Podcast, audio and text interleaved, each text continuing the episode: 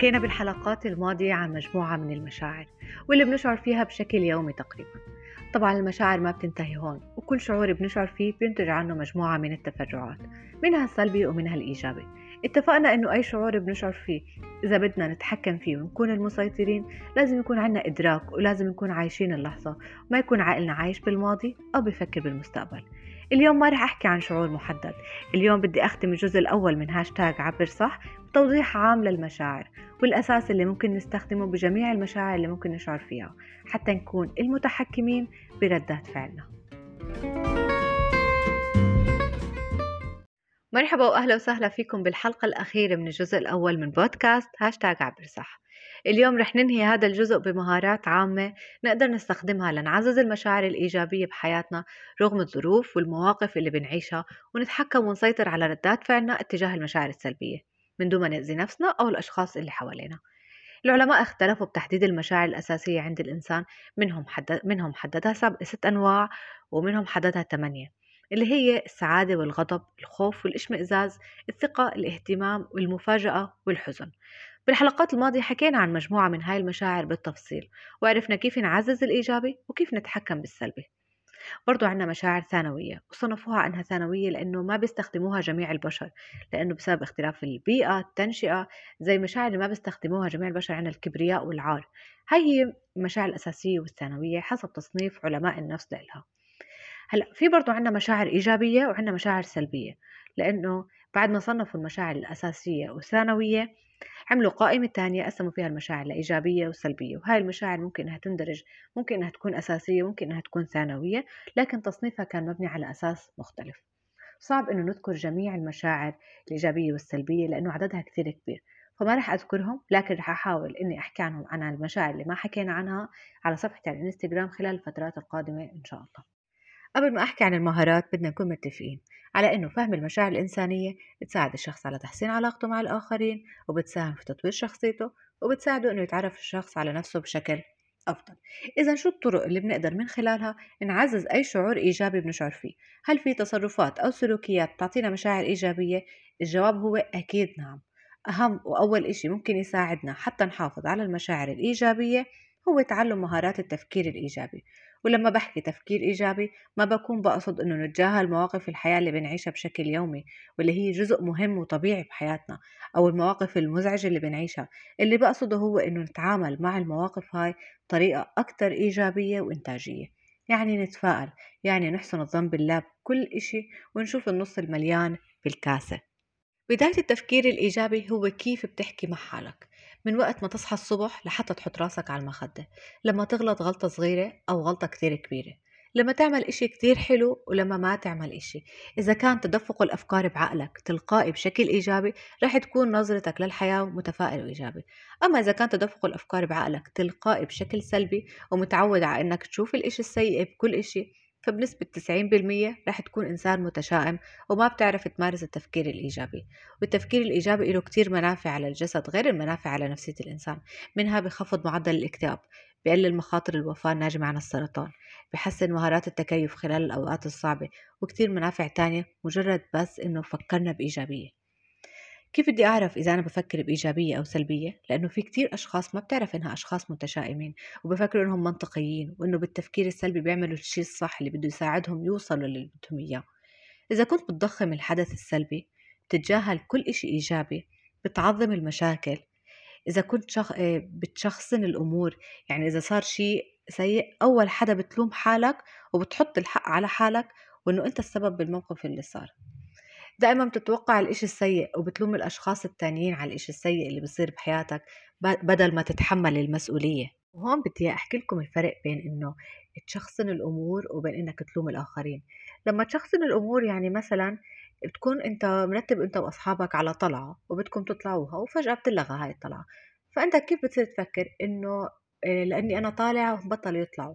لو إني أنا مش موجود كان زبطت الطلعة. فأنت على طول بتبلش تلوم حالك. وإنه الجهة التانية إنك تصير تلوم الآخرين على كل إشي آه، إنك ما بتتحمل المسؤولية. يعني مثلا هو اللي خلاني أعمل هذا الإشي هو اللي خلاني أشعر بهذا الإشي. لو ما رديت عليه كان ما صار معي هيك. ما بتتحمل نتيجة قراراتك ونتيجة مشاعرك. فاللوم على الجهتين مو منيح. إنك تلوم حالك أو تلوم الآخرين فاللوم ما بيساعدك. بس يعني ما في له أي ما, ما فيش ما في له أي أي فائدة.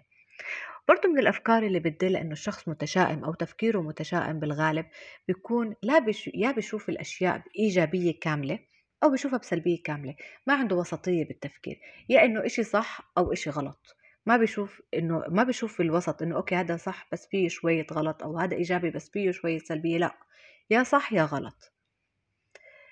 هاي أغلب الأفكار اللي بيفكر فيها الأشخاص السلبيين أو المتشائمين واللي بيفكروا بأغلب الأوقات إنهم منطقيين وبيحموا حالهم بهذا التفكير طب كيف ممكن أعود حالي على إنه أركز على التفكير الإيجابي؟ دائما تعود إنه الإشي اللي بدك تغيره لازم تدركه يعني تكون عارف شو الفكرة السلبية اللي بدك تغيرها أو تخلص منها بعد الإدراك كل إشي بيكون سهل لكن بيحتاج وقت. ما في إشي رح يصير بساعة لأنه هذا التفكير أنت مبرمج حالك عليه من زمان بتمارسه إلك سنوات فلازم تعطي حالك وقت. بعد الإدراك وتحديد الفكرة السلبية اللي بدك تغيرها شوف شو هي المواقف اللي بتفكر فيها بسلبية وبلش بإشي بسيط. إذا حابب تصير إنسان متفائل وتفكيره أكثر إيجابية شوف الجوانب اللي بتفكر فيها بسلبية وركز ركز على واحد منها إذا كنت إذا كانت بالشغل أو كانت بعلاقاتك وتعامل بطريقة أكثر إيجابية. ضلك قيم حالك بشكل يومي قيم أفكارك بشكل مستمر وحاول ما تأخذ الأمور بجدية طول الوقت. اتقبل المزح كون منفتح اسمح لحالك تبتسم وخاصة بالوقت اللي اللي بيكون فيه عصبية اسمح لحالك إنك تبتسم. وكل يوم حاول إنك تضحك. أهم وأهم إشي وأهم نصيحة بالنسبة لإلي حاوط حالك بأشخاص إيجابيين. احكي مع حالك بطريقة إيجابية وإنك تحكي مع حالك بطريقة إيجابية هاي أبسط وأصعب قاعدة ممكن تواجهها آه، تواجهها على قد ما هي سهلة إلا أنه تطبيقها بيحتاج جهد وإرادة. إذا بدك تتمرن كيف تحكي مع حالك بطريقة إيجابية تخيل حالك شخص كتير مهم ومحترم ومحبوب بين الناس. كيف ممكن تحكي معه؟ رح تلاقي حالك بتعطيه أعذار بتسامح حالك بتتجاوز عن أخطائك وبتتحمل المسؤولية بطريقة صح. في تقرير انكتب بصحيفة اندبندنت البريطانية كتير حبيته. قالت فيه الكاتبة لورا هامسون لا يزال هناك متسع من الوقت لتغيير هذه الوضعية الكئيبة والعثور على السعادة بالأشهر المقبلة. كل ما تحتاج إليه لتحقيق ذلك هو التخلي عن الأفكار السوداوية واستبدالها بأخرى إيجابية. كل شي بواقعنا وحياتنا بلش من تفكيرنا وما كان رح يكون واقع لو ما فكرنا فيه. من التمارين اللي ممكن تساعدك لتفكر بإيجابية هو إنك تتخيل موقف وتفكر فيه بإيجابية. نفس الموقف برضه تخيله وتخيله بطريقة سلبية. راقب مشاعرك إحساسك بالطريقتين لما فكرت فيه بطريقة إيجابية ولما فكرت فيه بطريقة سلبية. لما تحس الفرق رح يكون لما تحس الفرق بين بين المرة اللي فكرت بإيجابية أو سل... والتانية السلبية رح تخلي هذا التمرين يكون محفز لإلك لتضلك تفكر بإيجابية طيب إذا صار وواجهت مشاعر سلبية أو موقف سلبي خصوصا إذا كنت إنسان عصبي أو بيتوتر بشكل أوفر شو تعمل؟ أول إشي لا ترد لا تعطي أي رياكشن للموقف وانسحب من المكان اعمل هذا الإشي واعمل هذا الإشي. آه، هذا الإشي اعتبرته وصفة سحرية. يعني صراحة ما صدقتها إلا بعد ما طبقتها. اطلع من المكان واقرأ صفحة من القرآن. صوت تسمع حالك فيه. مو إنك تقرأ هيك بعيونك لا اسمع حالك وإنت عم تقرأ. بعد فترة رح تلاقي حالك مش سهل إنه يتم تعصيبك ولا سهل إنه تثار المشاعر السلبية فيك. هذا الإشي ما رح تحسه من أول يوم. بس بوعدكم إنه تحسوا وتشوفوا نتائجه بعد أول أسبوع من التكرار والإصرار. اسمعوا هاي الآية من سورة يونس. الذين آمنوا وتطمئن قلوبهم بذكر الله. ألا بذكر الله تطمئن القلوب؟ ألا بذكر الله تطمئن القلوب. دائما زكوا أنفسكم وأفكاركم ومشاعركم بأنكم تلجأوا لله ويكون في إيمان حقيقي مش كلام. إحساس وشعور إن الله معي سيهديني. والإشي الثاني اللي ممكن تعملوه هو إنك توكل الله. كيف يعني؟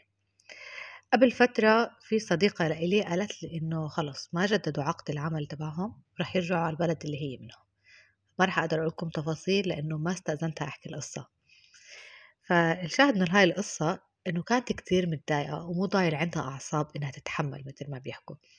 لما حكت معي كل ما أقولها إشي تقولي أنا متوكلة على الله أنا بصلي أنا أنا أنا أنا. وكانت مثل اللي بتطاوش مع حاله. فقلت لها أنا مو قادرة أساعدك لأنه أنت مو بوضع تسمعي نصيحة أو تفهمي شو بحاول أخبرك. فبدي أطلب منك طلب واحد. وبس تهدي بنحكي. قالت لي أوكي. قلت لها كل ما تيجي فكرة السفر وشو بدك تعملي عبالك لا تفكري واحكي الحمد لله توكلت على الله. تاني يوم شفتها آه، فإنه سألتها إنه عملت اللي قلت لك عليه قالت لي آه بس خلص اليوم ما في شغل. قلت لها الحمد لله توكلنا على الله. كانت بوضع صعب صعب إنه أقعد أشرح لها أو أحكي لها توكل على الله حتى وهذا الكلام. بدها فعل بدها إشي واقعي يتغير. بس بالنسبة لي كان الحل الوحيد إنه فعلا بس تحمد الله تتوكل عليه. إنها تترك المنطق. ف فكان هذا الموقف صراحة أكبر دافع صار لحتى يخليني أستمر.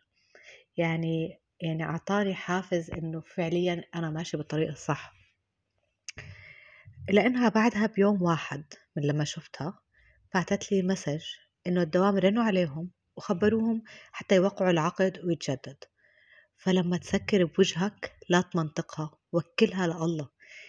توكلها لله يعني إنك توصل مرحلة اللا شعور مرحلة السكينة إنه أنا سعيت يا الله وما ضل عندي أي إشي أعمله وتوكلت عليك. والتوكل بيفرق كتير عن التواكل لأنه الله بحاسبنا على السعي. ف... فربنا ما بضيع لنا تعب وما برضى ما برضى الشقى لإلنا. وربنا خلقنا لنعيش بسعادة لنعمر الأرض. لما نتوكل عليه بيقين بإيمان ورضا وأعرف إنه اللي رح يصير هو الخير لإلك والأفضل. فهيك رح تكون مرتاح إنه إنه خلص إنه أنا عملت اللي علي ومتوكل على الله من من جوا ومن برا مش بس بلساني متوكل على الله لا أنا بإحساسي بمشاعري كلياتها أنا متوكل على الله. واليوم بدي أختم الحلقة بنصيحة كتير مهمة وهي إنه إذا نفسيتك ما كانت منيحة إذا ما كان عندك راحة البال السكينة لا مال ولا أي إشي ممكن يخليك سعيد. لهيك بدي منكم تكونوا مقتنعين إنه خمسين بالمية عملي تشتغل وتسعى لتوصل وخمسين بالمية نفسي معتقداتك أفكارك مشاعرك إيمانك ولهون بتكون خلصت حلقتنا لليوم وخلص الجزء الأول من حلقات بودكاست هاشتاج عبر صح يا رب أكون قدرت خلال هاي الحلقات إني أأثر فيكم بشكل إيجابي إني أكون غيرت للأفضل لو بنسبة بسيطة بالنسبة لتعبيركم عن مشاعركم. شكرا كتير لكل يلي عم يسمعوني ولا تنسوا تسمعوا حلقات بودكاست هاشتاج عبر ساحة الماضية على جميع المنصات الصوتية. تنتظروا الجزء الثاني قريبا اللي رح نحكي فيه عن الخطوة الثانية بعد السيطرة على النفس والمشاعر وهو كيف نعيش حياة هادفة. كيف نقدر نفهم ذاتنا ونحاول على قد ما بنقدر نعرف الرسالة اللي انخلقنا لأجلها ونبطل عايشين بعشوائية. إذا استفدتوا من حلقة اليوم لا تنسوا تشاركوها مع الأصدقاء وتعطوني تقييمكم على أبل بودكاست لتشجعوني على الاستمرار بشوفكم جزء جديد. عيشوا بسلام.